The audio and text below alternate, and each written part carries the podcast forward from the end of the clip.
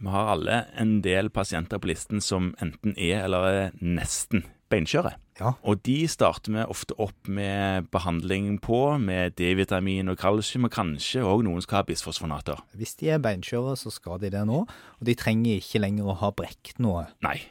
Men det var nå det. Så da har du starta med det og tenker alt er vel nå i en tre-fire-fem år. Ja. Eh, før du har henta ut den bisfosfonateffekten og må gi deg med det. Ja. Men er der, kan man sjekke dette her underveis? Man kan ta DEXA-målinger sånn etter hvert for å se om du har hatt noen effekt av behandling, men eller andre måter, tenkte jeg, å gjøre dette på. Og så fikk jeg litt svar av en pasient som kom og spurte om hun kunne ta noen målinger som jeg til da ikke hadde hørt om. Ja vel? Det var CTX1 Ja. ja, og PIMP.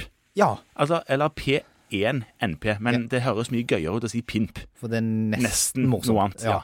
Det, dette var jo ting jeg ikke visste hva annet det var, så jeg måtte rett og slett søke det opp for å se hva det var. Vet du hva det er? Ja, altså jeg har hørt om det. eh, Ja, så og det er klart at det var jo ikke noen prøver som jeg hadde tatt mye. Og jeg var òg borti en pasient med disse prøvene, som kanskje hadde fått den oppfattelsen at hun kunne finne ut om hun var benskjør ved en blodprøve.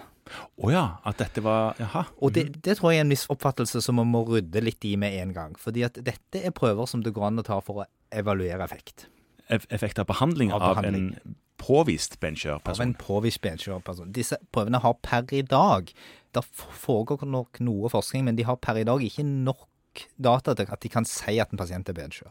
Nei. Men det de måler, er at, er at de måler beinomsetning. Å ja, så osteoklast, osteoblastaktivitet og sånt. Ja, det er det de måler. Den ene viser til ostoklastaktivitet. CTX1 viser til ostoklastaktivitet. Den måler hvor mye skjelettet brytes ned. Ok, så den vil du ha minst av. Minst mulig. Du vil ha minst mulig av den. Sånn at når du behandler med bisfosfonater, så skal den falle. Altså CTX1 skal falle. Ja, Den skal reduseres til sånn pluss-minus 30 rundt nedre referansegrense. Ok, men du har jo ikke noe baseline? Nei, men det trenger du ikke. Så lenge den ligger der nede, så er det greit. Ok. Og det du kan bruke den til, er at den kan si noen ting om pasienten får tatt i seg medisin. Og vi vet alle at disse som står på perorale bisfosfonater, det er jo litt styrete. Ja, det er det. Ja, De skal ta den tabletten en gang i uken, og de skal sitte oppreist i for- og etterkant, og de må drikke rikelig med vann.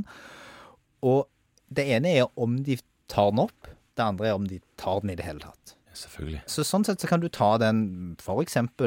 tre måneder etter at du starta behandling, for å si noen ting om skjer det noen ting med beinomsetningen. Ja, det- Så den- den første, altså den CTX1, Ja. det var bennedbrytning av oste- osteoklastaktivitet. Og Osteoklastaktivitet. den andre der, osteoblast, den, Den andre er jo da logisk nok osteoblastaktivitet. Ja. Den skal være økt. den skal økes. Ja, og for å få den til å bli økt, så må du jo gi et eller annet som stimulerer den. Og det er sånn som dokumentasjonen er i dag, først og fremst interessant hvis du går på PTH-behandling.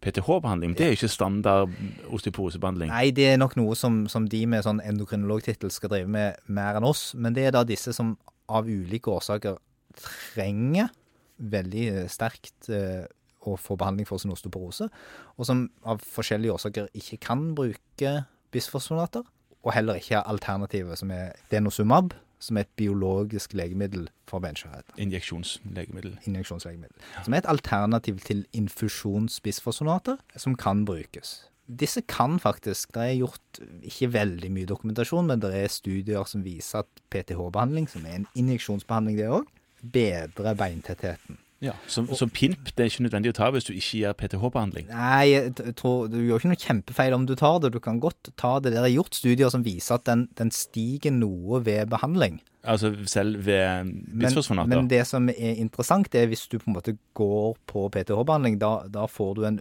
økning på ja, kanskje mm, 250 i Ja, forhold til baseline. Og her bør du ha en baseline. nettopp. Ja.